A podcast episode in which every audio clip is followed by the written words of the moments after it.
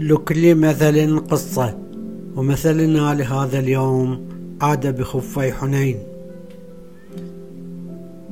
يقال إنه كان يوجد ببلاد الحيرة إسكافي شهير اسمه حنين.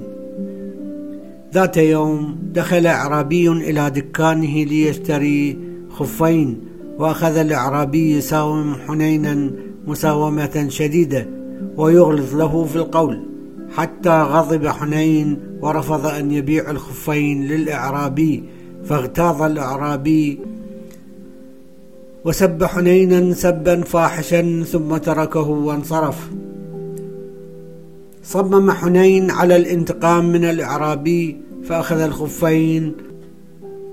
وسبق الإعرابي من طريق مختصر وألقى أحد الخفين في الطريق ومشى. ومشى مسافة ثم ألقى الخف الآخر واختبأ ليرى ما سيفعله الأعرابي.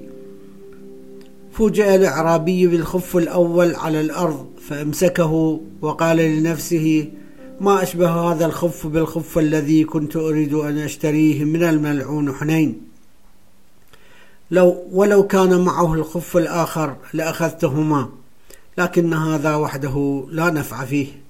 ثم رماه على الأرض ومضى في طريقه فعثر على الخف الآخر فندم لأنه لم يأخذ الأول وعاد ليأخذه وترك راحلته بلا حارس.